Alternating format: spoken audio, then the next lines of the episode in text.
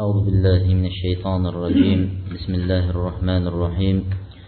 إن الحمد لله نحمده ونستعينه ونستغفره ونعوذ بالله من شرور أنفسنا ومن سيئات أعمالنا. من يهده الله فلا مضل له ومن يضلل فلا هادي له. وأشهد أن لا إله إلا الله وحده لا شريك له وأشهد أن محمدا عبده ورسوله. أما بعد السلام عليكم ورحمة الله وبركاته alloh subhanahu va taoloning tavfiqi bilan mana bugun shanba kunlik islom odoblari darsligiga jamlanib o'tiribmiz alloh subhanahu va taolo shu darsdan avvalo o'zimni va qolaversa sizlarni manfaat olishliginglarni so'rayman biz avvalgi darsligimizda alloh subhanahu va taolo bilan bo'lgan odoblarni ba'zilariga to'xtaldik. Bugungi darsligimiz payg'ambar sollallohu alayhi vasallam bilan bo'lgan odoblarga to'xtalamiz. Alloh subhanahu va taolo payg'ambar muhammad alayhissalotu vassalomni qur'onda maqtagan vaqtlarida go'zal xuluq egasi ekanligi bilan maqtadi. Allohu taala innaka ala xuluqin azim alloh taolo aytdiki siz go'zal xuluq egasisiz dedi. Muhammad alayhissalotu vassalomni shunday maqtadilar.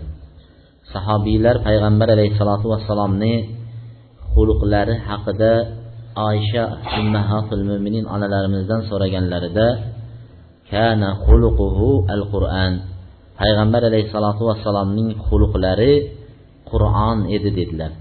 Qur'on nima narsani buyurgan bo'lsa qilib nima narsadan qaytargan bo'lsa qaytadigan va go'zal axloqlik edi dedilar. Va bu muhammad alayhissalotu vassalomning xulqlari alloh subhanava taolo o'zi maqtagan xulqlar.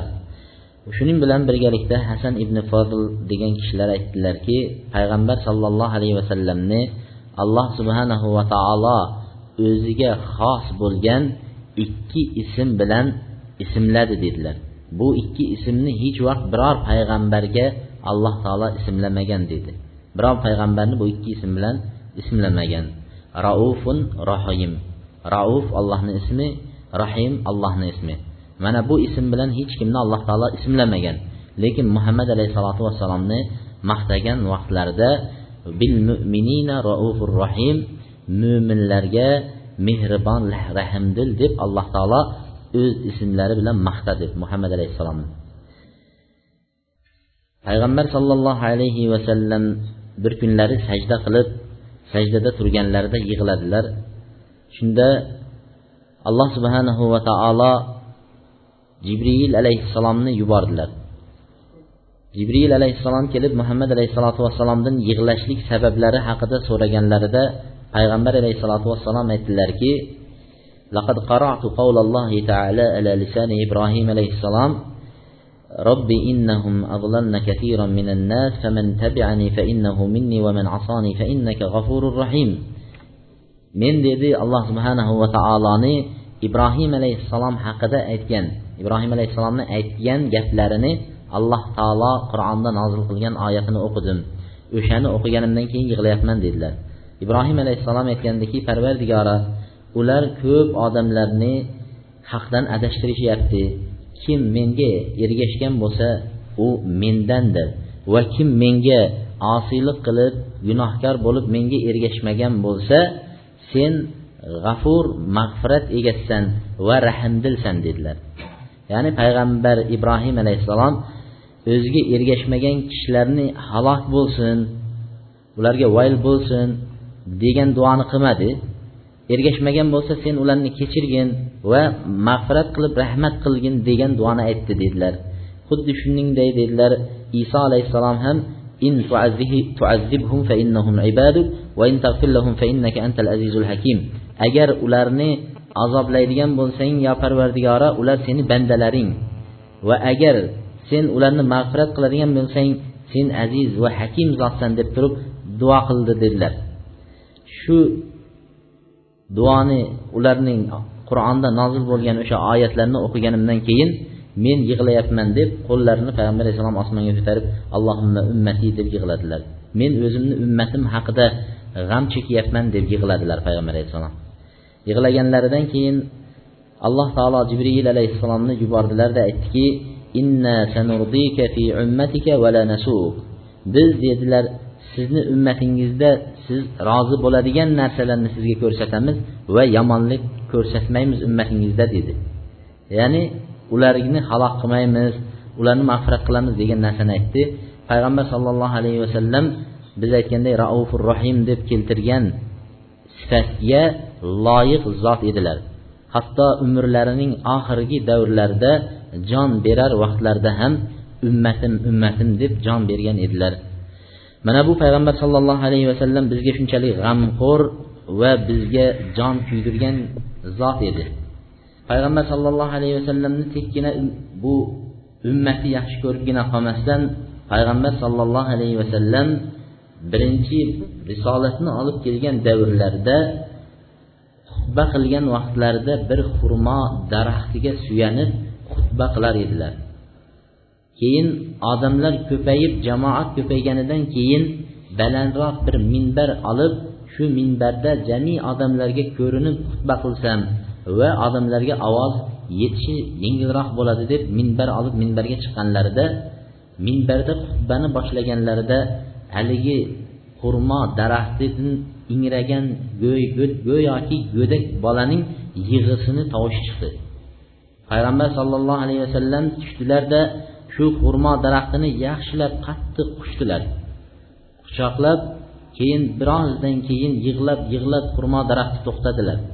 To'xtaganlaridan keyin payg'ambar alayhissalom aytdilarki agar dedilar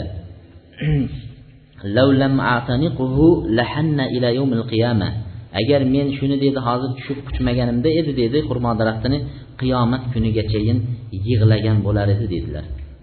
Demak muhammad mustafa sollallohu alayhi vasallam mehribon va rahmdil ummatiga g'amxo'r va go'zal axloqli kishi edilar. Uni nafaqat bandalar yoki ummati yaxshi ko'rish bu yoqda tursin. Hattoki yog'ochlar ham muhammad alayhissalomdan firoq bo'lib ajraganligi uchun yig'lagan edilar. Biz endi yig'lashlikka muhammad alayhissalomdan ajraganligimiz va u kishidan uzoqda bo'lib qolganligimiz uchun ko'p yig'lashlikka muhtojmiz deb turib hasan al basriy aytgan ekanlar. Endi modomiki shunday ekan bu muhammad alayhissalotu vassalomni jami koinot va jami ummati yaxshi ko'rgan ekan u kishi bilan qanday odobda bo'lishligimiz kerak. Muhammad alayhissalotu vassalom bilan biz qanday odoblarda bo'lishligimiz kerak. Biz shu odoblarni baholi qudrat qo'limizdan kelganicha ba'zilariga to'xtalib o'tamiz. Eng birinchi odob muhammad alayhissalotu vassalom bilan bo'lgan odoblarni birinchisi payg'ambar alayhissalotu vassalomga iymon keltirish odobi. Muhammad alayhissalotu vassalomga iymon keltirish odobi. Alloh subhanahu va taologa iymon keltirsa va jami diyonatlarga dinlarga iymon keltirgan bo'lsa lekin muhammad alayhissalotu vassalomning payg'ambar va haq rasul nabiy ekanligiga iymon keltirmagan bo'lsa bu musulmon bo'la olmaydi. Shuning uchun birinchi o'rindagi odob muhammad alayhissalotu vassalomga iymon keltirish. Iymon keltirish alloh subhanahu va taolo qur'oni karimda aytdiki qul ya ayyuhannas إني رسول الله إليكم جميعا الذي له ملك السماوات والأرض لا إله إلا هو يحيي ويميت فآمنوا بالله ورسوله النبي الأمي الذي يؤمن بالله وكلماته واتبعوه لعلكم تهتدون alloh taolo aytdiki ey iymon keltiring ey insonlar dedi alloh taolo ayting muhammad alayhissalom ey insonlar men sizlarga jamian ya'ni barcha haloyiqga alloh tarafidan yuborilgan elchiman. Alloh subhanahu va taolo yeru osmon koinotdagi jami mulk alloh subhanahu va taolonikidir. U yagona zot u tiriltiruvchi va o'ldiradigan zotdir. Allohga va payg'ambarga iymon keltiringlar deb alloh taolodan nozil bo'lgan oyatda shunday keldi. Demak payg'ambarga iymon keltirishlik bu eng birinchi odoblardan hisoblanadi. Iymon keltirish deganda payg'ambar sollallohu alayhi vasallamni haqiqiy olib kelgan risolatini tasdiqlashlik dinni payg'ambar alayhissalom olib kelgan dinni barchasini tasdiqlashlik va qalbdan iqror bo'lishlik til bilan zohir qilishlik mana bu narsalar muhammad alayhissalomga iymon keltirish deyiladi. Endi biz payg'ambar alayhissalotu vassalom olib kelgan dinni o'zimizga munosib keladigan joylarini qabullab va bizga to'g'ri kelmayotgan yoki mahallamizga to'g'ri kelmayotgan yoki bo'lmasa xonadonimizga yoki urf odatimizga to'g'ri kelolmayotgan yoki bo'lmasa zaif aqlimizga to'g'ri kelmayotgan joylarini tashlashlik bu muhammad alayhissalomga iymon keltirish hisoblanmaydi.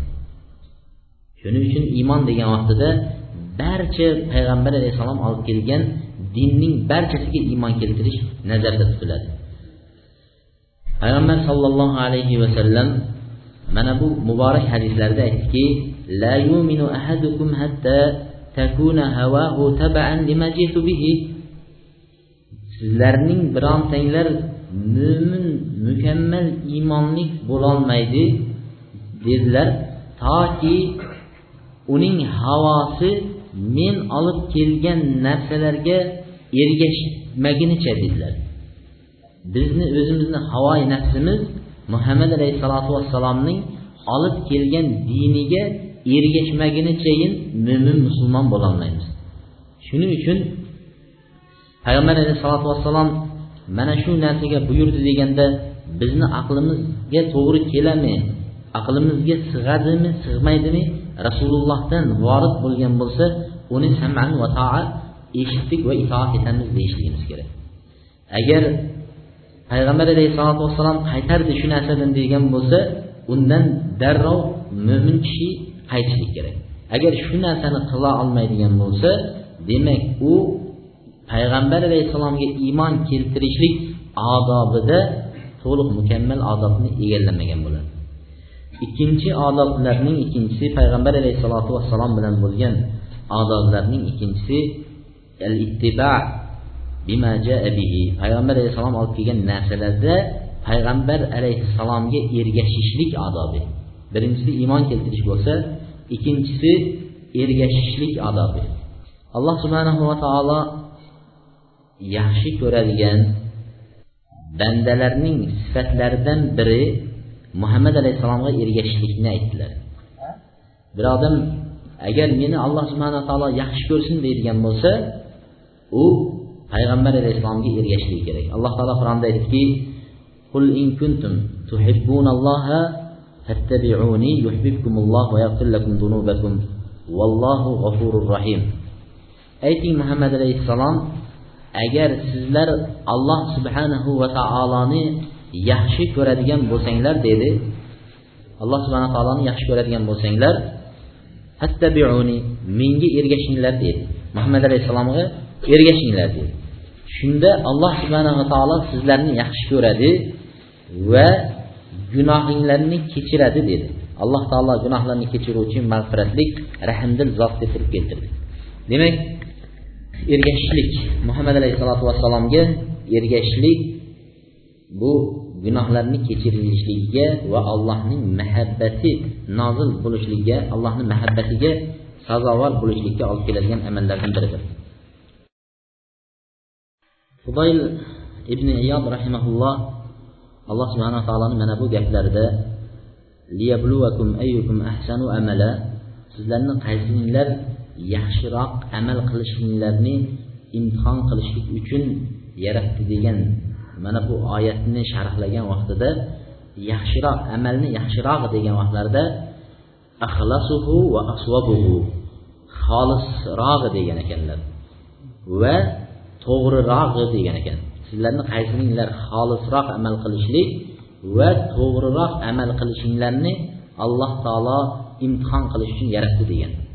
Endi xolisroq degani innal amala idza kana xolisan va lam yakun sawaban lam yuqbal. Agar amal xolis yagona alloh uchun qilingan bo'lsa xolis degani yagona allohni nazarda tutib qilingan bo'lsa. Lekin to'g'ri bo'lmagan bo'lsa payg'ambar alayhissalom ko'rsatgan amal bo'lmasa u hargiz qabul bo'lmaydi dedi. Va shuningdek agar amal to'g'ri bo'lsa payg'ambar alayhissalom ko'rsatganday amal bo'lsayu alloh uchun xolis qilinmagan bo'lsa ham bu ham qabul qilinmaydi dedilar. Demak bu oyatda yaxshiroq go'zalroq amal qilishingdan imtihon qiladi degandan maqsad ikkita narsa nazarda tutiladi xolis bo'lishlik kerak va to'g'ri bo'lishlik kerak amal. Qilinayotgan ibodatlar to'g'ri to'g'ri degandan maqsadimiz muhammad alayhissalotu vassalom bizga ko'rsatgandaqa amal bo'lishlik kerak. Shu kishiga ergashgan holatda amal qilishligimiz kerak ekan. Bu ittiba payg'ambar alayhissalotu vassalomga ergashishlik to'g'risidagi kelgan oyatga to'xtaldik va uchinchi payg'ambar sollallohu alayhi vasallam bilan bo'lgan odoblarning uchinchisi payg'ambar sollallohu alayhi vasallamni yaxshi ko'rishlik. Payg'ambar alayhissalotu vassalomni yaxshi ko'rishlik. Alloh subhanava taolo bir oyatda keltirdi. Shu oyatni o'zi odamlar o'zlari muhammad alayhissalomning qaysi darajada yaxshi ko'rayotganliklari va allohni qanchalik darajada yaxshi ko'rayotganligi yoki yomon ko'rishligiga o'zlariga mezon qilib olsa bo'ladigan bir oyat. Alloh taolo qur'oni karimda keltirdi. قل إن كان آباؤكم وأبناؤكم وإخوانكم وأزواجكم وعشيرتكم وأموال اقترفتموها وتجارة تخشون كسادها ومساكن ترضونها أحب إليكم من الله ورسوله وجهاد في سبيله فتربصوا حتى يأتي الله بأمره والله لا يهدي القوم الفاسقين. من أبو آيات جديم odamni larzaga qalbini larzaga keltiradigan oyatlardan biri alloh taolo aytyaptiki ayting ey muhammad alayhissalom agar sizlarni otalaringlar farzandinglar aka ukalaringlar va ayolinglar qarindosh urug'inglar sizlar kasb qilayotgan kasbingizni topayotgan mol dunyoyingiz mol yig'ishlik bilan mashg'ul bo'lishingiz va oltinchisi sizlar uni kasodga uchrashidan qo'rqayotgan tijoratingiz.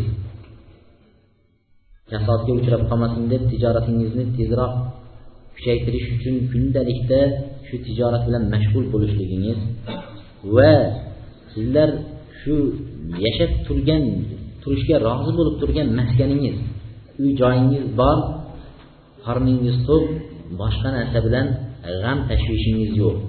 Demak shu maskaningiz mana bu narsalar sizlarga olloh va rasulidan va alloh yo'lida g'azob qilishlikdan sizlar uchun suyukliroq bo'lsa dedilar. Alloh va rasulidan sizlarga shu hozir aytgan olti narsa suyukliroq bo'lsa endi sizlar allohni amri kelguncha kutib turinglar dedilar. Allohni amri kelguncha endi kutib turinglar. Olloh fosiq qavmni hidoyatlamaydi dedi.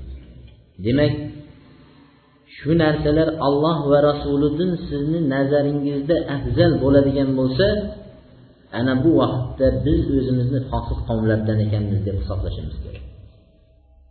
Mol dunyo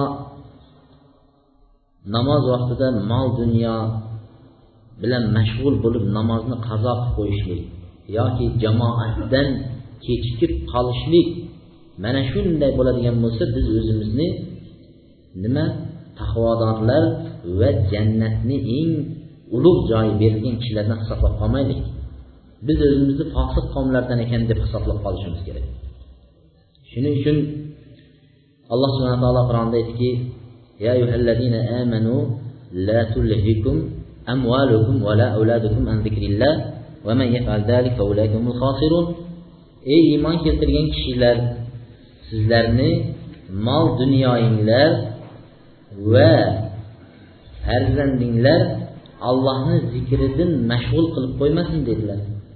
Allohni zikri allohni ibodatidan mashg'ul qilib qo'ymasin.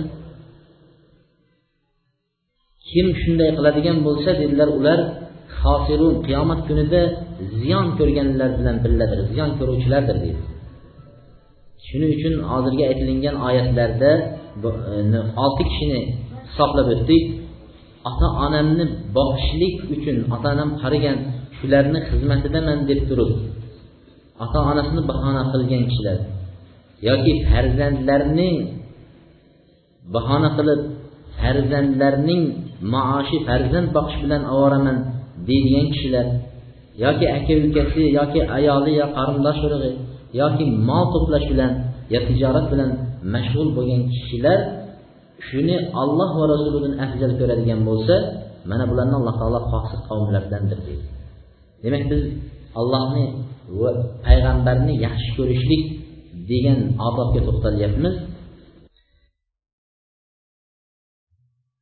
Payg'ambar sollallohu alayhi vasallam bir kunlari umar ibn hattob roziyallohu anhuni qo'llarini ushladilar.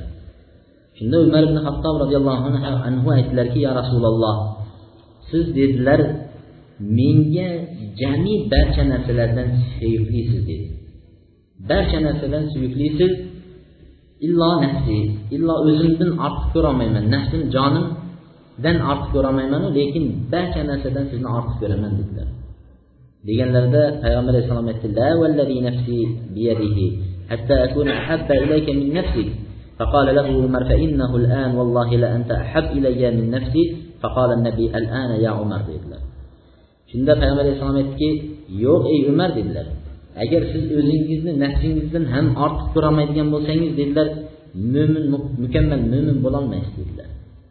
Shunda muhammad umar roziyallohu anhu ki, men o'z nafsimdan ham sizni ortiqroq ko'rdim hozir yo rasululloh dedilar. Mana bu gapni eshitgandan keyin o'zimni nafsimdan ham ortiqroq ko'rdim. Ya rasululloh deganlarida payg'ambar alayhissalom aytdilarki al ana ya umar endi iymoningiz mukammal bo'ldi ey umar dedilar. Endi iymon mukammal. Demak payg'ambar sollallohu alayhi vasallamni nafsdan ham ortiqroq yaxshi ko'rishlik. Bu biz ba'zi bir misollarga to'xtalib o'tamiz. Nafsdan ortiq yaxshi ko'rish degan narsani biz tasavvur qilolmaymiz. Bizga bu gaplar go'yo ertakka o'xshab qolgan. Bu tarix islom tarixi shunday bo'lganki ular buni tasavvur qila olishgan shu vaqtlarda.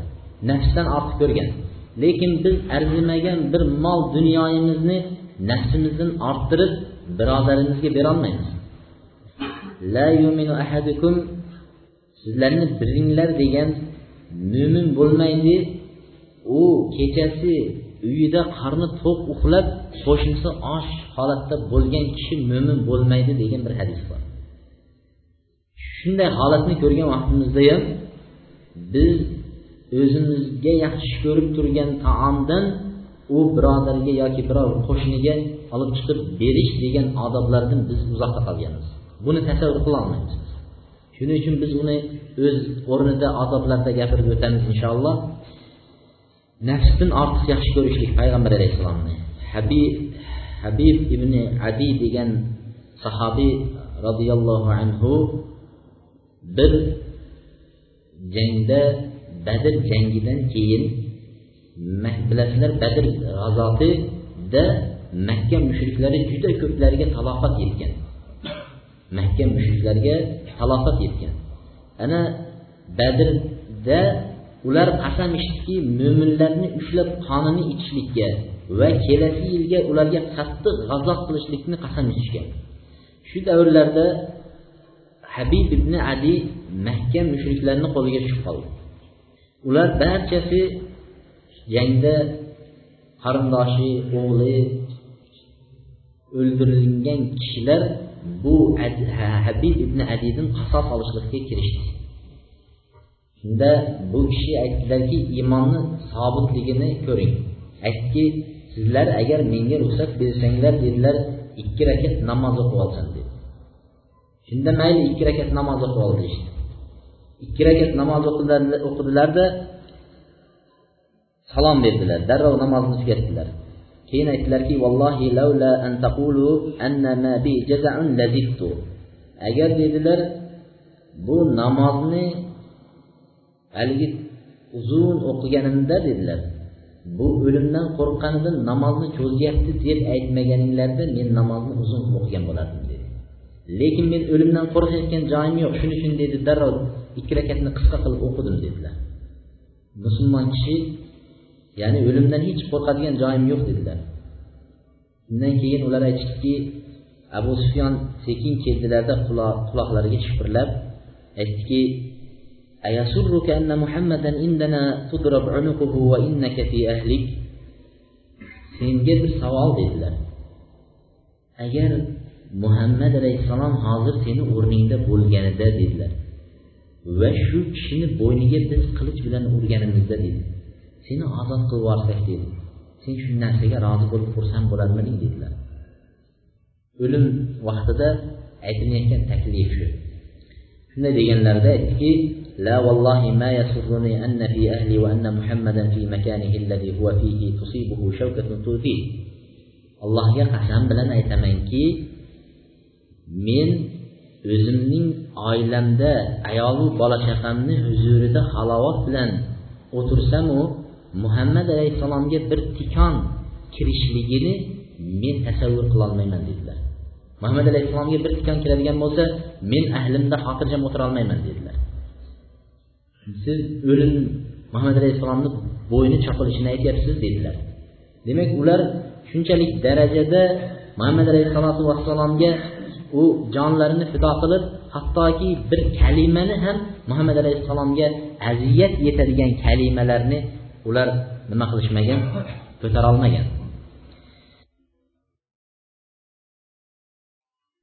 suila ali ibn أبي طالب ali ibn abi طالب roziyallohu anhudan so'raganlarida kayfa hubbukum li sizlar rasululloh sollallohu alayhi vasallamni qaysi darajada yaxshi ko'rar edinglar deganlarida u kishi aytdilarki kana vallohi ahab ilayna min amvalina va avladina va abaina va ummahatina va min al ma'il barid ala zama bizga muhammad alayhissalotu vassalom dedilar bizni mol dunyolarimizdan ham farzandlarimizdan ham ota onalarimizdan ham va chanqoq kishiga sovuq suv qanchalik zarur bo'lsa bundan ham bizga muhammad alayhissalom sevikliroq dedilar. Ali ibn abi tolib shunday deb javob berdilar. Shuning uchun ali ibn abi tolib o'zlarining hayotlarini rasululloh sollallohu alayhi vasallamga fido qildilar. Makka mushriklari muhammad alayhissalotu vassalomning risolatini haq olib kelgan dinni to'xtatishga qanchalik urinish urinmasin ular qo'llaridan kelmadi. Ana shundan keyin ular bir mashvarat qilib muhammad alayhissalotu vassalomni dinini to'xtatishga harakat qildi. Shunda shayton bir makka mushriklarining bir kishining suratida shu mashvaratga qatnashdi. Shayton bir kishini suratiga kirib shu maslahatga qatnashdi. Shunda bir zadagonlardan makkaning kattalaridan biri aytdiki biz buni folbin deb tarqatamiz desa biri sehrgar deymiz deb har biri o'z fikrini bildirganda shayton bu narsalarga rozi bo'lmadi. Shayton kelinayotgan haqiqiy risolatni tag tagi bilan unga zarba berishni xohlagan edi. Shuning uchun shaytondan chiqqan fikr shu bo'ldiki sizlar dedi meni fikrimga dedi bir nazar solib ko'ringlar dedi. Menga bu kishi bilan mening oramda biror narsa yo'q dedi. Faqatgina sizlarga ichim achiganligidan aytyapman buni dedi. Shaytonni aytayotgan so'zi u kishini dedi o'ldiringlar dedi. Deganidan keyin makka mushriklari aytdiki qanday o'ldiramiz? Uni qabilalari kuchli bizdan o'ch oladi deganlarida aytdiki shayton o'rgatyapti. Sizlar dedi har bir qabiladan bir bir kishi bo'lib yig'ilib u muhammad alayhissalomni hammanglar bir vaqtda ursa dedi shu har bir odamning qilichi tegadida u o'n qabila bo'ladimi o'n ikki qabila bo'ladimi ulardan barchasidan o'ch olishga qodir bo'lmay qoladi dedi. Mana shunday qilsanglar dedi shunda g'olib bo'lasizlar dedi. Agar bitta qabila borib o'ldiradigan bo'lsa ana u vaqtda dedi sizlardan o'ch olish mumkin dedi. Mana bu shaytondan chiqqan fikr bularga ma'qul keldi. Muhammad alayhisalotu vassalomni xuddi shunday o'ldirishga kelishib eshiklarida kutib turgan vaqt kutib turdi. Bular hammasi qilichlarini yalang'ochlab kutib turganlarida alloh subhanahu va taolo payg'ambarga bildirdiki mana bu xabarni tez shu kuni hijrat qilishlikka amr keldi. Shunda payg'ambar alayhissalom hijratga chiqib ketayotgan vaqtlarida toki ular muhammad alayhissalomning uylarining ichlariga nazar qilib uxlayotgan yoki uxlamayotganligini tekshirib turgan vaqtlarida payg'ambar alayhissalom o'rinlariga ali ibn abi tolib roziyallohu anhuni siz yoting shu yerda dedilar. U kishini yotqizdilarda o'zlari darhol makka mushriklarni ko'zidan g'oyib bo'lib hijrat qildi. Biz to'xtalmoqchi bo'lgan shohid deydi ya'ni mavzuni qissaning hissasi shuki ali roziyallohu anhu haqiqatdan ham otamizdan va onamizdan va farzandimizdan va jonimizdan ham rasululloh bizga sevikli edi degan shu yerda ma'lum bo'ldi u mushriklar kelib hozir o'n odam qilib sanchiydigan bir ehtimolda turgan vaqtida o'zlarini jonini shu o'ringa tikib rasulullohni huzurlarida o'rinlarida ko'rpa tagida yotib bergan kishilardan biri shu kishi edi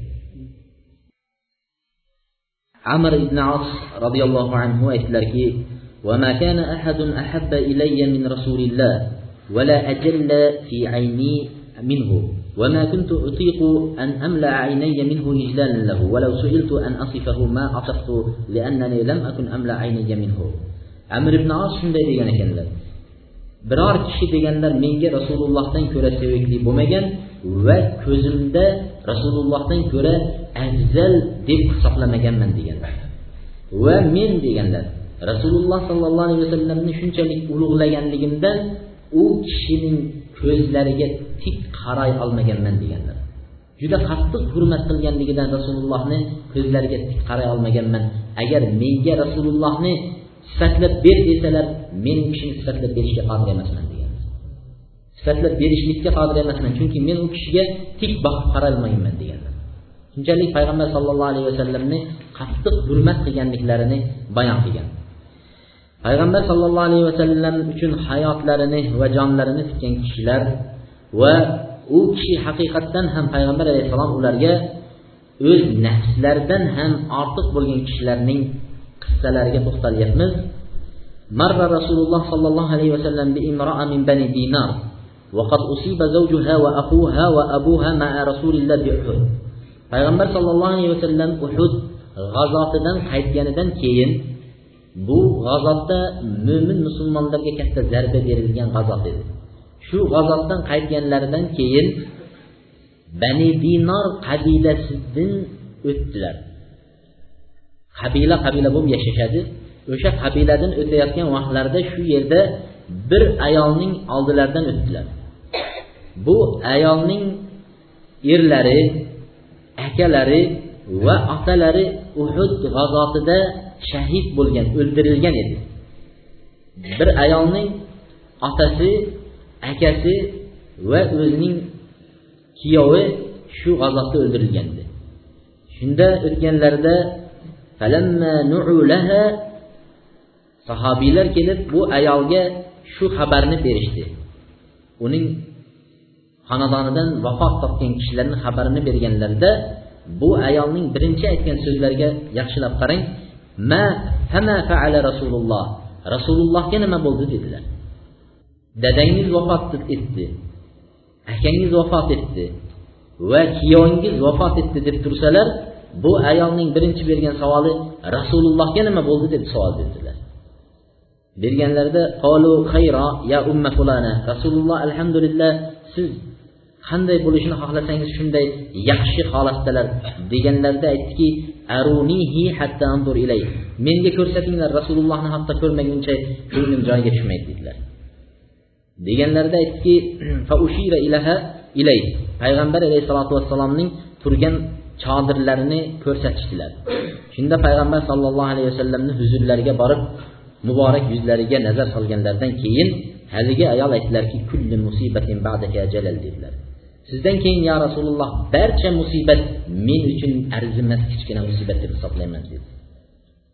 Rasulullohning hayotlari haqiqatdan ham ularga otalaridan va farzandlaridan va o'zining turmush o'rtoqlaridan ko'ra rasulullohning hayot bo'lishligi ularga nima edi? Baxt sodir edi shuning uchun aytdiki siz modomiki tirik ekansiz men barcha musibatni sizdan keyin yengil va kichkina deb hisoblayman deydilar.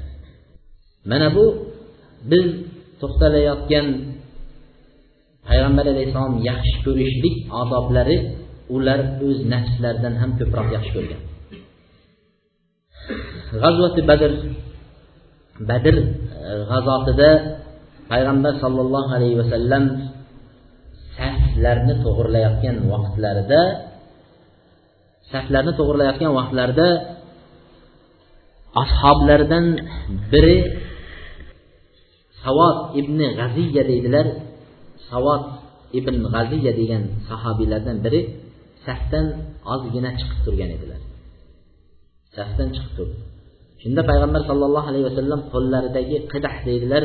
Asosi bilan savodning qanlariga qo'yib ozgina itordida istaviya savat dedilar safda to'g'irlab turing safga to'g'ri turing ey savat dedilar qo'ldagi asolari bilan ozgina itardilar shunda bu kishi aytdilarki ya rasululloh dedilar yo rasululloh meni dedi menga qattiq bir alam og'ritdingiz dedi o'sha asa bilan itorib ag'ritdingiz وقد بعثك بالحق وقد بعثك الله بالحق والعدل فأقدني dedilar sizni alloh taolo haq bilan va adolat bilan yuborgan zot dedi Shunga qasam ichib aytamanki siz dedi albatta zulmni ko'tarib ketishni xohlamaysiz.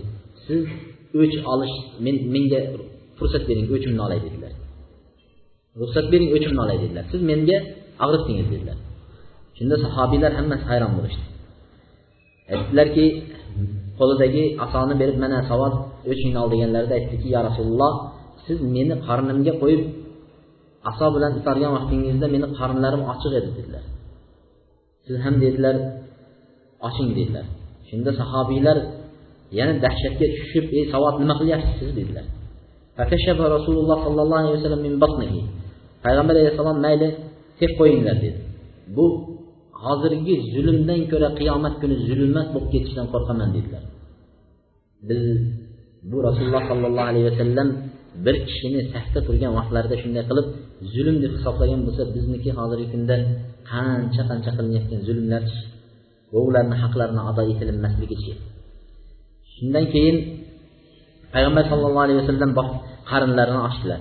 Ochganlarida istaqib endi o'ch olgin dedi. Qasosingni olgin ey savod deganlarida savod roziyallohu anhu darrov qarinlariga yopishib qarinlarini quchoqlab o'pa boshladi. Payg'ambar sallallohu alayhi vasallam qarinlarini o'pdilar faqala rasululloh ma hamalaka savod? ey savod dedilar bunday qilishlikka sizni nima narsa majburlab qo'ydi dedilar nimaga shunday qildingiz deganlarida يا رسول الله حضر ما ترى فأردت أن يكون آخر الأهل بك أن يمس جلدي جلدك يا رسول الله siz ko'rib turibsiz bizni hozir qanday holatda turganligimizni bilib turibsiz bu jangda kim tirik qoladi kim bu jangda jon taslim beradi dedilar lekin men dedilar siz bilan mening oxirgi ahdim dedilar. Va oxirgi uchrashuvim shunday bo'lishini xohladimki meni terim sizni teringizga tekkan holatida ajrashishlikni xohladim dedilar. Shuning uchun dedilar men sizni muborak qornlaringizni o'pib shunday holatda ajrashishni xohladim dedilar. Mana bu kishilar haqiqatdan ham jang bo'lib turgan davrlarda ham rasululloh sollallohu alayhi vasallamdan qanday ajrashlik mana bu narsalar ularni tashvishga qo'ygan. Payg'ambar sollallohu alayhi vasallamni tabroniy imom tabroniy o'zining kitoblarida keltiradiki osha roziyallohu anhudan vorid bo'lgan hadisda bir kishi rasululloh sollallohu alayhi vasallamni huzurlariga keldilar. Va u kishi aytdilarki innaka la habbu ilayya min nafsi va innaka ahab ilayya min valadi va innaka la ahab ilayya min valadi dedilar. Siz dedi menga dedilar o'z nafsimdan ko'ra va o'z farzandlarimdan ko'ra sevikliroqsiz dedilar. Lekin men uyda o'tirgan vaqtimda dedilar sizni eslasam sabr qilolmay qolaman. Uyga borgandan keyin darrov sog'inib qolamanda dedilar. Uyimdan yugurib sizni huzuringizga kelaman. Sizni suhbatlaringizga musharraf bo'lib sizni yuzlaringizga tikilib dedilar bir rohatlanaman dedilar. Endi dedilar men bir narsa yig'latyapti meni yo rasululloh dedilar. Men dedi shu oxiratni eslaganimda yig'layman dedi. Nimaga deganlarida oxiratda siz jannatda payg'ambarlar bilan birgalikda bir katta maqomga ko'tarilib ketsangizu men boshqa bir maqomlarda qolib ketib sizdan ajrab qolishlikdan qo'rqib yig'layman dedilar. Jannatdagi maqomda siz buyuk maqomga ko'tarilib ketsangizu men sizni ko'rolmay qolsam sizni kundalikda ko'rmasam men toqat qilolmaydigan shunday kishiman mana shundan qo'rqib yig'layman deganlarida payg'ambar alayhisalotu vassalom nima deb javob berishini bilmay sukut qilib turdilar shunda alloh subhanahu va taoloni mana bu oyat nozil bo'ldiki ومن يطع الله ورسوله فأولئك مع الذين أنعم الله عليهم من النبيين والصديقين والشهداء والصالحين kim alloh subhanahu va taologa va payg'ambariga itoat etgan bo'lsa ular alloh inom qilgan kishilar bilan birgalikda payg'ambarlar siddiqlar shahidlar solihlar bilan birga jannatda bo'ladi degan oyat nozil bo'ldi. Demak kim payg'ambarlar bilan birga jannatda bo'laman deydigan bo'lsa allohga va payg'ambar alayhissalotu vassalom buyurgan amallarni qilishlikka oshiqishligi kerak. Payg'ambar sollallohu alayhi vasallam bilan bo'lgan odoblarning to'rtinchisi biz uchinchisi mahabbat rasulullohni yaxshi ko'rishlik odobiga to'xtaldik va to'rtinchi odobi rasululloh bilan bo'lgan odoblarning to'rtinchisi payg'ambar alayhissalotu vassalomning huzurlarida ovozini ko'tarmaslik. Ovozni ko'tarmaslik. Alloh subhanahu va taoloni mana bu oyati nozil bo'ldi ya ayyuhallazina amanu la tarfa'u aswatakum fawqa sawti an-nabi wa la tajhar lahu bil qawli ka jahri ba'dikum li ba'd an tahbata a'malukum wa antum la tashurun ey iymon keltirgan kishilar sizlar ovozinglarni payg'ambarning ovozidan yuqori qilib yubormanglar va sizlar ba'zilaringlar ba'zilaringlarga baqirib gapirgandaqa payg'ambarni huzurida unday gapirmanglar sizlarni amalinglar habata bo'lib ketadi sizlar o'zinglar bilmagan holatda dedilar mana bu oyat kim haqida nozil bo'ldi?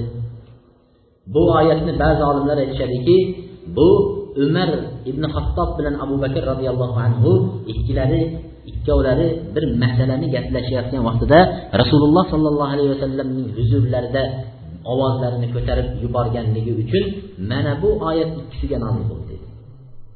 Eng buyuk sahobiylarga shunday ovoz oyat nozil bo'lsa sizlar ovozinglarni ko'tarmanglar rasulullohni ovozidan tepa qilmanglar modomiki rasululloh sizlarni oldinglarda ekan degan oyat nozil bo'lgan bo'lsa boshqa odamlar qanday qiladi shundan keyin aytishadiki zubay ibn zubayr aytadiki فما كان عمر يسمع النبي صلى الله عليه وسلم بعد هذه الآية حتى يستفهمه mana bu oyat nozil bo'lganidan keyin deydi umar ibn hattob rasululloh sollallohu alayhi vasallamni huzurlarida pichirlab gapirardi rasululloh sollallohu alayhi vasallam ovozlarini eshitmagan deydi hattoki har so'zlagan gaplarini rasululloh nima deyapsiz deb istahama so'rab tushunadigan darajada past gapirar edi ovozini ko'tarmagan. Bo'lmasa umar ibn hattobni sifatlaridan agar ursa yorib sindiradi agar gapirsa eshittiradi degan sifatlari bo'lgan umar ibn hattobni lekin rasululloh sollallohu alayhi vasallamni mana bu oyat nozil bo'lganidan keyin bularning bir oyat tushgan vaqtida amal qilishligini ko'ring misol. Bizni amal ko'rish qilishimizni ko'ring ular hayoti mobaynida necha yil davomida yashagan bo'lsa rasulullohni huzurida ovozini ko'tarmagan ekan. Biz bir misolga to'xtalamiz. Masjidlar allohning uylari masjidlarga kim chismoq yegan bo'lsa jamoatga qatnashmasin degan hadislar kelgan. Endi bu uning hidining xunuk va habisligi sababli shunday degan. Aslida chismoq halol narsa.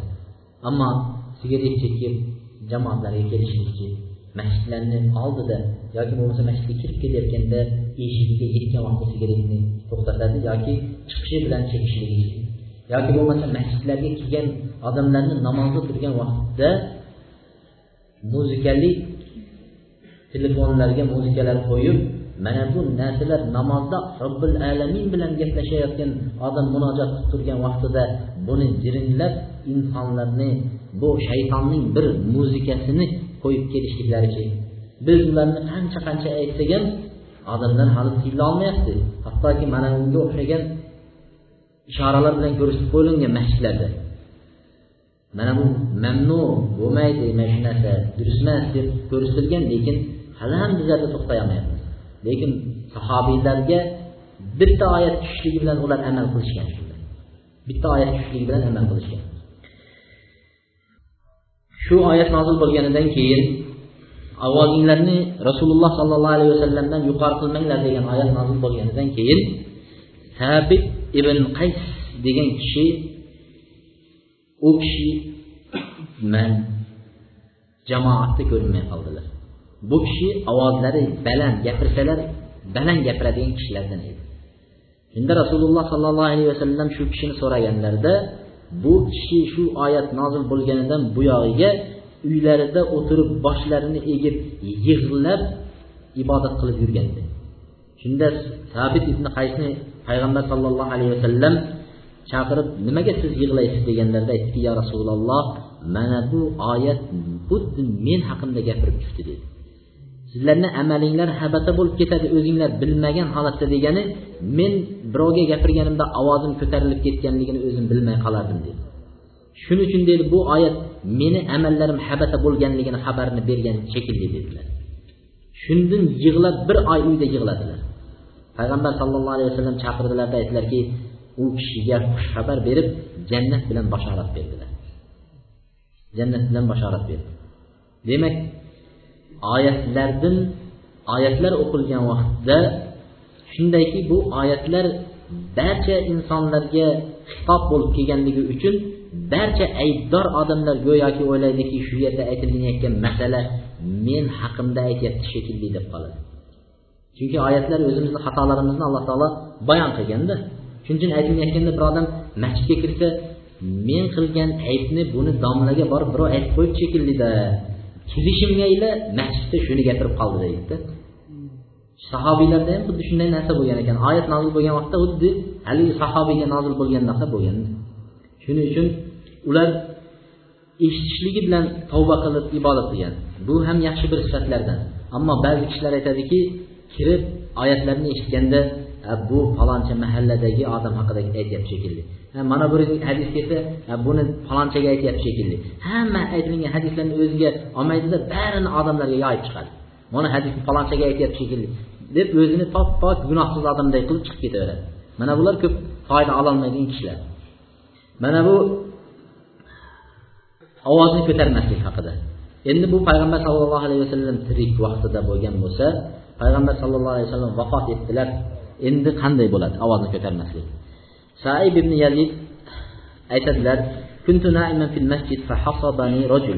men payg'ambar sallallohu alayhi vasallamni masjidlarda uxlayotgan edim dedi. Uxlashlik masjidda uxlash deganlaridan keyin bilar tushunishimiz mumkin ba'zi kishilarda noto'g'ri tushuncha bor masjidda gaplashishga bo'lmaydi masjidda uxlashga bo'lmaydi degan narsalar bor. Bu noto'g'ri narsa. Masjidlarda uxlashlikka ruxsat berilgan mana bu sahobiyning qissalari ham shunga dalolat qiladi. Masjidda uxlayotgandim va bir kishi dedilar meni biqinimga turtdilar dedi. Umar ibn hattob ko'zimni ochsam tepamda umar ibn hattob turibdi dedilar. Shundan keyin aytdilarki u turgan ikki kishini ko'rdingizmi? dedilar. Shu ikkisini borib dedi meni huzurimga olib keling dedi. Bordimda ikki kishi turgan ekan dedilar. Shu ikkisini yetaklab umar ibn hattobni oldilariga olib keldi. U kishilar payg'ambar alayhissalomning masjidlarida baqirib bir birini chaqirayotgan edi. Shunda umar ibn hattob bir kishini jo'natib ikkalasini olib keldilar. Olib keldilarda aytdiki min ayna antuma sizlar qayerdansizlar dedi. Ular aytdiki biz toifdanmiz dedilar. Toif madinadan besh yuz besh yuz ellik kilometr uzoqda makkadan sakson kilometr uzoqda. Shu joydanmiz toifdanmiz deyishdi. Shunda aytdiki agar sizlar madinalik bo'lganinglarda men sizlarni ta'ziringlarni berib qo'yardim dedilar. Agar madinalik bo'lganinglarda men sizlarni ta'ziringlarni berib qo'yardim. Rasulullohning masjidida turib ovozinglarni ko'taryapsizlarmi dedilar. Mana bu sabab payg'ambar alayhissalom masjidida turib ovozni ko'tarishligi uchun bularning ta'zirini berib qo'yishga umar ibn hattob nima qildilar? Qattiq ahd qilgan edilar. Endi shundan foyda olinadi. Birinchi aytilmoqchi bo'lgan narsa rasululloh sollallohu alayhi vasallam vafot etgan. Lekin rasulullohning masjidlariga borgan vaqtda umraga yoki hajga borgan kishilar u yerda u kishini odoblari bo'ladi o'zi. Ularning masjidga kirib ovoz ko'tarib bir birini chaqirib telefonlarni olib masjidni ichida telefon qilib bir birini chaqiradigan holatlar juda ko'p uchraydi. Mana bu narsalarga ehtiyot bo'lishlik kerak. Demak qaysi kishini shunday ko'radigan bo'lsangiz ular payg'ambar bilan bo'lgan odobni poymol qilgan kishilardan biri hisoblanadi. Ho'p ikkinchi odob bu ikkinchi olinadigan foydalarning ikkinchisi bu hadisdan ba'zi kishilar shariatni bilmagan bo'lishi mumkin. Yoki boshqa bir shaharlardan kelgan bo'lishi mumkin ular xato qilsa ularning ustiga xatolarini aytib ularni qattiq nima e, ta'zirini berib qo'yishlik degan narsani to'xtalib turish kerak. Buni qanday tushunamiz? Ba'zi bir yigitlar misol uchun e, bu shu yerdagi o'tilayotgan e, musulmonlarning o'zlarini shu yerda olib borilayotgan ibodatlari mana shu narsalardan uzoq bo'lib boshqa joylardan kelib turib shu yerlarda misol uchun fitnalik bir amallar qiladigan bo'lsa biz ularni darrov ta'zirni berishdan avval ularga yaxshilik bilan hikmat bilan tushuntirishimiz kerak. Payg'ambar umar ibn hattob ularni olib kelib turib nima qildilar? Kechirdilar. Chunki ular bu narsani bilmaganliklari uchun. Mana bu ikkinchi olinadigan foydalarning ikkinchisi. Biz to'rtinchi payg'ambar sollallohu alayhi vasallam bilan bo'lgan odobning to'rtinchisi yoki beshinchimi beshinchisiga to'xtalamiz. Beshinchi odob payg'ambar sollallohu alayhi vasallamning hadislarini e'zozlashlik. Payg'ambar alayhissalotu vassalomni hadis hadislarini e'zozlashlik. Mana bu odobga juda ko'pchiligimiz muhtoj bo'lgan odoblardan biri. Abu salama al hazai aytadilar molik ibn anas rahimaulloh agar hadis aytishlikka chiqsalar deydilar muhaddislardan biri hadis aytishga chiqsalar tahorat qilardilar xuddi namozga tahorat qilganiday va chiroyli kiyimlarni kiyardilar soqollarini tarardilar shundan keyin unga nimaga shunday qilasiz deganlarida bihi hadisa rasulilloh men payg'ambar alayhissalotu vassalomning hadislarini mana shu ulug'laganim e'zozlaganim uchun shunday qilaman dedilar payg'ambar alayhissalomni hadislarini ulug'laganligi e'zozlaganligi uchun shunday qilaman deganlar. Payg'ambar sollallohu alayhi vasallamni solih kishilarning hayotida shunday bo'lgan ular payg'ambar sollallohu alayhi vasallamdan xushxabar bo'lgan hadislarni aytgan vaqtlarida kulib xushxabar xabarlarni shunday aytib yetkazardi odamlarga payg'ambar alayhissalotu vassalomdan xafa bo'ladigan hadislar kelganlarida ovozlarini juda ham maxfiy qilib eshitmaydigan darajada qilib hadislarni shunday aytishardi mana bu payg'ambar alayhissalom g'azablari chiqib turgan vaqtlarini tasavvur qiladi. Agar payg'ambar alayhissalom shu tirik bo'lib shu hadisni aytganlarida qanday suratda aytardi demak g'azablari chiqib bir narsadan qaytarganliklarini tasavvur qilib bu payg'ambar alayhissalom shunday turganda biz ovozimizni ko'tarishga bo'lmaydi deb ovozlarini maxfiy qilgan holatda o'sha hadislarni shunday aytar ekan. Hadis aytishlikni odoblari bor o'zi. Rasulullohni hadisini har bir kishi aytavermaydi rasululloh sollallohu alayhi vasallamning hadislari bizga bu bir lug'at kitoblariga o'xshab yoki ertak kitoblariga o'xshab o'qiladigan narsa emas bu. Bu hadislar tahorat bilan ibodat uni o'qib amal qilinishlik uchun tushirilgan hadislar. Shuning uchun imom abu e, imom al buxoriy muhammad ibn ismoil al buxoriy buxoriy o'sha kitoblarini sahih buxoriy kitoblarini jamlagan vaqtlarida buni ichida nechi minglagan hadisni har birini aytadilarki tahorat qilib va ravzati sharifda rasulullohning masjidlarida eng afzal joy deyilgan ravza degan joylarda ikki rakat namoz o'qib ana undan keyin hadisni yozdim.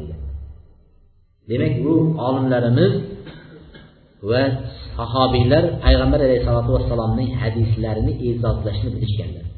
Şunun üçün onların ilimlərinə Allah subhanahu taala bərəkət ata etdi.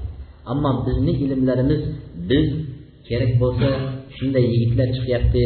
Qur'on la yamassuha la yamassuhu illa mutahhirun pok kishilar o'qiydi Qur'onni deganini təvil qilishib pok degandan maqsad bu ma'naviy narsa tushuniladi.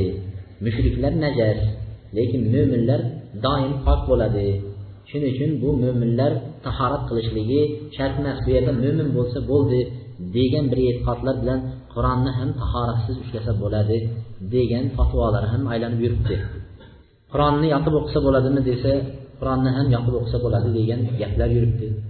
E bu bizni olimlarimiz payg'ambar alayhissalomni hadisiga shunchalik ehtirom bilan qilgan bo'lsa biz allohni kalomini shunchalik darajaga tushiramiz. Bunday fatvo berayotgan kishilar shariat ilmini chala o'qib uni e'zozlash uni hurmat qilishlik degan narsalardan va islom odobidan uzoq bo'lib ketgan kishilar. Shuning uchun biz odob masalalariga to'xtalishimizdan bir sababi ham shu edi.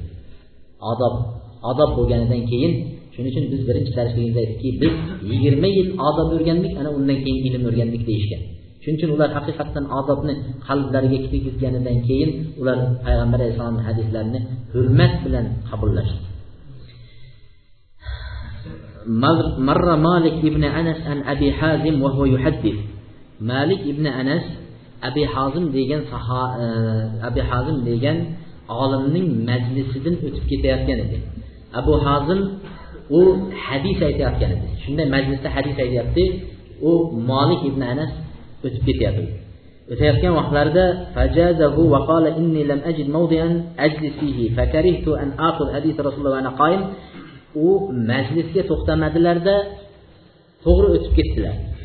Shunda abu hozim chiqqanlaridan keyin siz majlisga keldingizda to'g'ri o'tib ketdingiz deganlarida ha dedilar.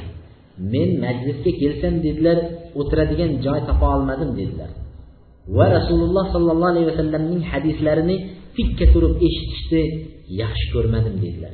Hurmatsizlik bo'ladi. Rasululloh sizni oldingizga kelib o'tirib aytyapti hadis. Siz tepasida bunday tursangiz. Rasululloh tasavvur qiling tirik bo'lsalar o'tirib hadis aytyapsa siz rasulullohning oldiga kelib tikka turib tezroq ayting deganday bo'ladimi? Tezroq gapingizni tugating tezroq ayting deganday bo'lib qoladi shuning uchun men dedilar eshikda tikka turib eshitishni xohlamadim rasulullohni hadisini e'zozlaganim uchun dedilar ulug'laganligim uchun men unday qilgim kelmadi dedilar shuning uchun o'tib ketdim dedilar وقال ابن أبي زناد كان سعيد بن المسيب وهو مريض يقول أقعدوني فإني أعزم أن أحدث حديث رسول الله وأنا مضطجع سعيد بن المسيب bu kishini tobeinlardan bo'lgan kishi bu kishini tanimagan odam yo'q. Bu o'zining shogirdlariga e, abu udaa deydilar bu kishini darslariga qatnashib yurgan vaqtlarida bir kuni darsida ko'rmay qoladi. Darsda ko'rmay qolganidan keyin e, abu udaa siz darsga kelmadingiz deganlarida men deydi ayolim vafot etib uch kun shu bilan mashg'ul bo'lib qoldim deydi uch kun darsni darsim kelmadi uch kun. Ayoli vafot etgandan keyin. Shundan keyin uylandingizmi dedilar. Uch kundan keyin aytilayotgan uylandingizmi deganlarida yo'q ya rasululloh men uylanadigan mablag'im yo'q dedilar. Biron narsaga qodir emasman men uylanish uchun deganlarida unda bugun siz dedilar kech payt boraman kutib turing dedilar. Kech payt eshik taqilladi. Shunda eshik taqillaganlarida kim deganlarida said dedilar. Haligi vido aytadilarki men said degan ulfatlarimni barchasini ismlarini esladim biron said degan odam chiqmadi dedi. Shunda eshikni ochsam said ibn musayyib ustozlar turgan ekan. Shunda aytdilarki ey abavadaa dedilar agar siz qabul qilsangiz men qizimni sizga nikohlab beraman deb qizlarini olib ketdilar. Shu yerda darrov qo'shnilarni chaqirib guvoh qilib shu qizni nikohlab berdilar. Bu bir oydan keyin shu abu vadoadan so'radilarki qizlariga amirlardan kuyov bolalar kelgan vaqtlarda bermagan edi. Lekin o'zini shogirdlariga va kambag'al bo'lishiga qaramay shu kishini taqvolariga havas qilib bergandilar. Bir oydan keyin so'raganlarida siz qanday topdingiz qizimni? deganlarida vallohi sizni qizingizni sizdan ham olimroq ekanligini topdim deganlar. Ya'ni qizlarga dadasida bor ilmni berib qo'ygan kishilardan biri said ibn musayyib shu kishi kasal bo'lgan vaqtlarda hadis aytadigan bo'lsalar birov bir fatvo so'raydigan bo'lsalar o'rnidan turolmay yotganlarida ham meni turg'izinglar dedi odamlar rahmi kelib ketardi uni turg'izguncha kasalligidan shunda turg'izinglar meni. Men rasululloh sollallohu alayhi vasallamni hadisini yotgan holatda aytishdan uyalaman dedilar rasulullohni hadisini yotgan holatda aytishdan uyalaman deganlar. Mana shunaqa ular rasululloh sollallohu alayhi vasallamni hadislariga shunaqa odobda bo'lishgan ular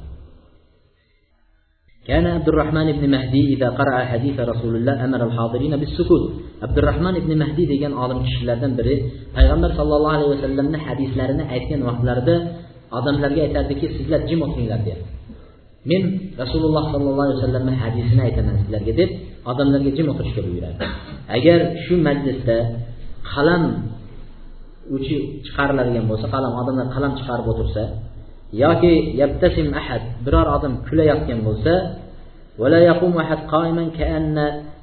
biror odam kulmasdi biror odam qalam ham chiqarmasdi deganlar va xuddi ularning boshlariga qush o'tirganday birovni boshiga qush qo'ysangiz qanaqa turadi uchib ketmasin deb jimjit turadida shunchalik darajada yoki namozda turgan vaqtida shunday tinch turgandaqa odamlar tinch bo'lib eshitadi deydi agar shu biror odamni kulganligini majlisda yo bir biri bilan gaplashganligini ko'rsa o'rnlaridan turib chiqib ketar edilar deydi.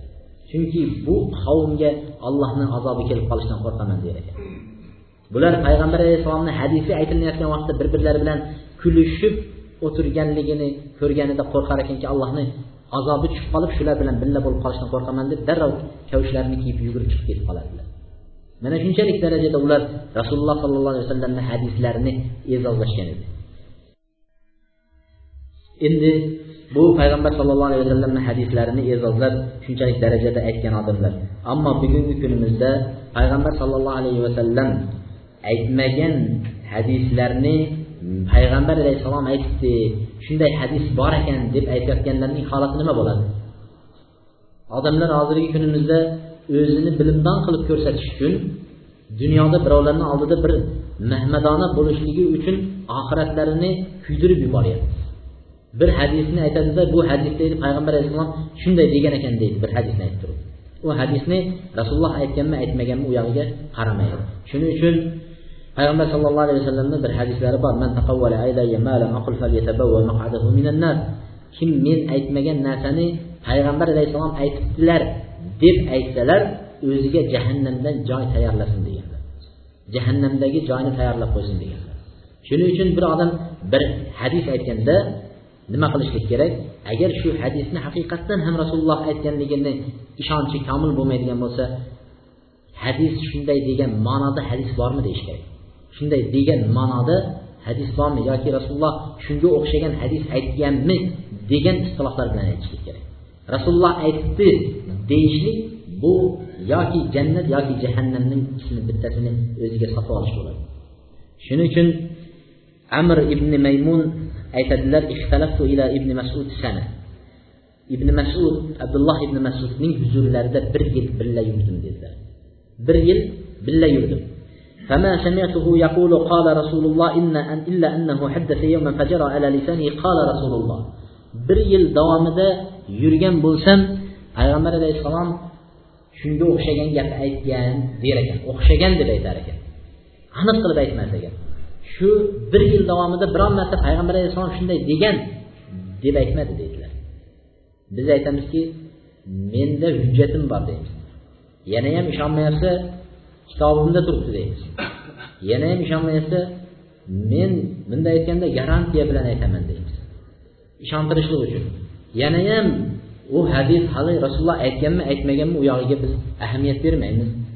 Hattoki shu hadislarni aytayotgan hozirgi mana shu bizni muhitdagi odamlarga agar rasululloh sollallohu alayhi vasallamni hadislari necha qismga taqsim qilinadi desa uni to'liq aytib berolmaymiz sahih hadis bilan zaif hadis hasan hadis mu'dal hadis mana bularning farqlari qaysinda desa ularni farqlab berolmaydi mavzu to'qima hadis bo'lsa ham rasululloh aytdi deb aytaveramiz. Mana bundan ehtiyot bo'lishlik kerak. Abdulloh ibn masud aytdilarki abdulloh ibn masuddan aytyaptilarki bir yil davomida biron marta payg'ambar alayhissalom aytdi deb og'izlaridan chiqmadi dedi. Lekin bir kuni dedilar gapirayotganda shoshib gapirganliklaridan rasululloh aytdi deb yubordilar dedi. Bir marta og'izlaridan chiqib ketdi dedi. Shunda deydi abdulloh ibn masudni ko'rdim. Alahu karbun hatta ra'aytul arq yatahaddaru ala an jabhatihi shunday qattiq qayg'uga tushdilarda dedilar peshonalaridan terlar javdirab oqqanligini ko'rdim dedilar. Hattoki o'zlaridan ketib qolishlikka yaqin bo'ldi dedi. Qiyomatda qanday javob beraman degan qo'rquvdan shunchalik darajaga keldi biz hozirgi kunimizda qanchalik biz nimalarimiz mana bu beshinchi payg'ambar sollallohu alayhi vasallam bilan bo'lgan odoblarni beshinchisi. Endi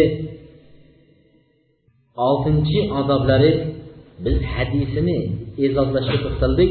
Oltinchi odoblari rasululloh sollallohu alayhi vasallam bilan bo'lgan odoblarning oltinchisi u kishining sunnatlarini e'zozlashlik. Rasululloh qilgan amallarni qilishlik va qilmagan amallarni qilmaslik. Sunnati degani shu. Sunnatga yaxshiroq to'xtalishligimiz kerak. Sunnat degani payg'ambar alayhissalom qilgan amallar. Va bizni shu sunnat amallarni qilishlikka payg'ambar alayhissalom buyurganlar.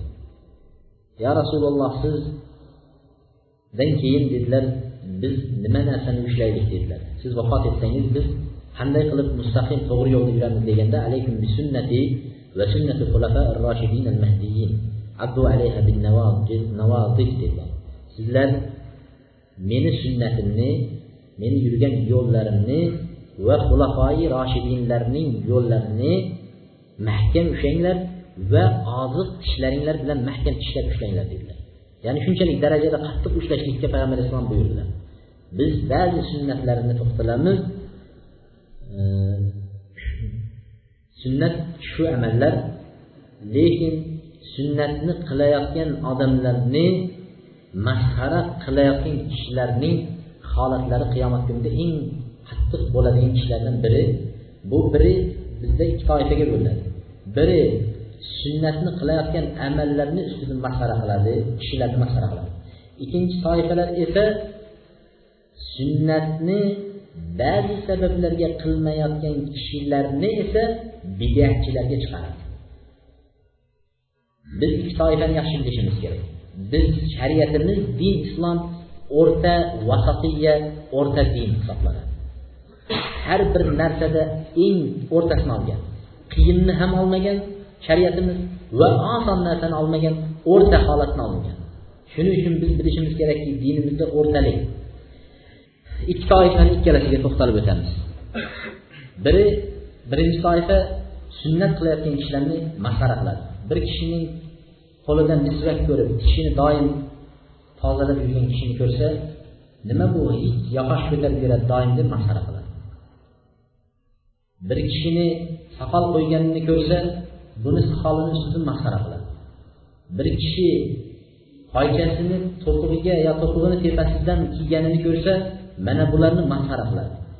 Mana bu toifa bu adashgan toifalarning biri. Payg'ambar alayhissalotu vassalomning sunnatlarini ustidan masxara qilgan kishilar hisoblanadi. Mana bular ehtiyot bo'lishligi kerak dinni ustidan masxara qilishligidan. Payg'ambar sollallohu alayhi vasallamning huzurida bir kishi chap qo'li bilan yedilar. Chap qo'li bilan yeganlarida payg'ambar alayhissalom aytdiki kul sunnatda o'ng qo'l bilan yeyishga buyurilgan o'ng qo'lingiz bilan yeng dedilar. Ba'zi o'rinlarda uch barmoq bilan yeyiladi deyilib sunnat shunday kelgan. Agar bir odamga uch barmoq bilan va qo'l bilan yeyilinar ekan ovqat deyilgan bo'lsa u odam masxara qilmasdan agar yeyishga qodir bo'lmaydigan bo'lsa u indamay qo'ya qolgani yaxshi bo'ladi uni masxara qilishdan ko'ra. Shunda u kishiga o'ng qo'lingiz bilan yeng deganlarida men o'ng qo'lim bilan yeyolmayman deb masxara qildilar. Rasululloh sollallohu alayhi vasallamga kuldilar shu gaplariga. Nima farqi bor? O'ngni chapni deganday qilib kulganlarida payg'ambar alayhissalom aytdilar dedilar. Siz yeyishga qodirsiz faqat kibringiz dedilar qo'ymadi dedi. Mutakabbirligingiz qo'ymadi dedi. Shundan keyin dedilar bu muslim rivoyat qilgan hadisda. Shundan keyin bu kishi o'ng qo'llarini umuman ko'tarolmay qoldi shol qoldi dedilar. Sunnatni ustidan kulganligi uchun alloh subhanahu va taolo uni qo'lini shol qo'ydi. Abi yahya istaji deydilar biz basraning ko'chalarida ba'zi muhaddislarning olimlarni uyiga darsga ketayotgan edik dedi. Tez yurib borayotgan edik dedi. Chunki darsdan kechikkanligidan tez yurib borayotgan edik. Biz bilan bir kishi bor edi dedilar. U kishi doim musulmonlarni ko'rsa masxara qiladigan unisini ustidan kulib bunisini ustidan kulib yuradigan kishilardan biri edi dedi. Lekin biz bilan birga ketyapti dedi. Shunda aytdilarki bir hadis kelgan. Kim agar ilm talabida yuradigan bo'lsa uning qadamlarini tagiga farishtalar malaklar qanotlarini yozib turadi degan hadis kelgan. Shu hadisni dedilar masxara qildi dedilar. Shu hadisni masxara qilib irfa'u arjulakum an ajnihatil malaika la tuksiruha. Sizlar yugurib ketyapsizlar qadaminglarni yerga qattiq qattiq urib dedilar. Sizlar qadaminglarni sekinlatinglar ko'taringlar. Yana farishtalarni qanotini sindirib qo'ymanglar dedilar. Deganlaridan keyin lam yazir min mawdi'ihi hatta jaffat rijlahu wa saqata. Mana shu gapni aytib qadamlarini ikkinchisini qo'yishga ulgurmadilar. O'rinlarida ikki oyog'i shol bo'lib oyoqlari qurib qoldi dedi mana bu hadislarni ustidan masxara qilganlarning holati shunday bo'ladi. Bu dunyoda alloh taolo ko'rsatib ketgan holatlarni biri shu. Bu hadisga amal qilgan sunnatga amal qilgan kishilarga barakalloh fi alloh sizga muborak qilsin va sunnatda sobit qilsin deb aytiladi. Ammo ba'zi sunnatlarni ikkinchi toifalar ba'zi sunnatlarni ixtiloflar chiqqanligi sababli qilmayotgan kishilarni bidatchi deb ularni aytayotgan kishilarning ham holati bundan kam emas. Ba'zi bir sunnatlarni. Biz ularga to'xtalamiz. Biz misol uchun amin degan bu bir sunnat amali kelgan namozdan keyin amin deb aytishlik. Lekin shu sunnatlarni biz bu diyorlarda to'xtatdik. Bu diyorlarda bu sunnatlarni to'xtatdikki agar kimni amining malaklarni aminiga to'g'ri kelsa uni gunohlari kechiriladi degan hadislar kelgan. Biz bu sunnatlarni to'xtatdik. Lekin bundan boshqa sunnatlar bo'lganligi uchun boshqa sunnatlar bo'lganligi uchun biz ikki zararning yengilrog'ini ixtiyor qilib biz og'ir zararlarni ko'tarmasimiz dinimizga ko'tarmasligimiz uchun yengilrog'iga to'xtalganmiz shuning uchun bunday qilayotgan birodarlarga biz aytganmizki sunnatlar bu siz birodar bilgan faqat amin deyishlikni o'zigina sunnat boshqa narsalarni bilmasligingiz bilan qolib ketmang dedik chunki dedik sunnat juda ko'p biz ularga shu kitoblarni tavsiya qildikki alfi sunna fil yom va layla bir kecha kunduzda ming dona sunnat degan kitoblarni berdik. Bir, bir kecha kunduzda ming dona sunnat degan kitoblar bor. Demak ba'zi kishilar ba'zi bir sunnatlarni qilmaganligi uchun bu odamlar mana shu sunnatlarni qilmayapti deb turib ularni ham ixtiloflarga olib boradigan narsaga biz nima qilib qo'ymasligimiz kerak? Olib qo'ymasligimiz kerak. Ba'zi sunnatlarni agar to'xtatiladigan bo'lsa unda zarari bo'lmaydigan sunnatlar bo'lsa to'xtatib turishligi ma'qul hisoblanadi. Va shuni o'rniga malaklarning biz aytdikki nimasiga to'g'ri keladi dedik aminiga to'g'ri kelsa gunoh kechiriladi mana shuning o'rniga badil bor. Bu sunnatni agar biz shu diyorlarda qila olmagan bo'lsak shuni o'rniga alloh taolo mehribon zot ekan bizga boshqa sunnatni bergan. Kimki juma kunida bir soat bor bu soatda banda nima narsa so'rasa alloh taolo shunga beradi agar shu soatga muvofiq bo'lsa degan.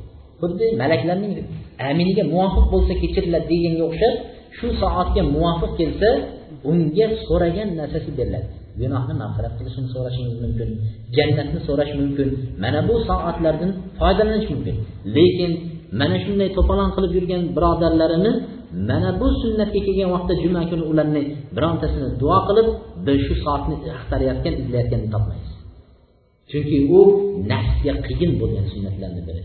Nafsimizga og'ir bo'lgan sunnatlarni biri hisoblanadi. Mana bu ikkita toifani ham e, to'xtaldikki ularni madomiki xatolarini tushunib shu xatoga biz tushib qolmasligimiz uchun.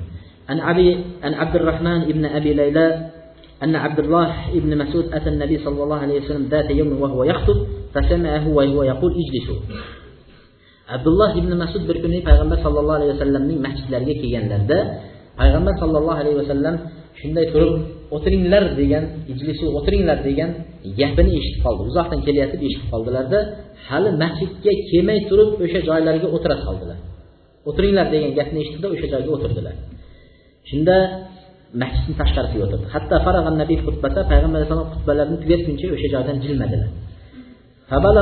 Rasululloh mana bu xabar payg'ambar alayhissalomga yetib keldilar. Mana shu abdulloh ibn masud shunday qildi deganlarida chaqirib siz nima uchun shunday qildingiz? dedilar. Deganlarida ya rasululloh siz o'tir degan buyrugingizga xilof chiqib qo'yib yana allohni azobiga qolib ketmay deb aytdim o'tir degan buyruq keldi shu vaqtda men o'tirdim dedilar. Shunda payg'ambar alayhissalom aytdilarki alloh va rasuliga itoat etishingizni alloh ziyoda qilsin dedilar shunchalik darajada alloh va rasuliga itoat etar ekansiz alloh shuni ziyoda qilsin sizda deb maqtadilar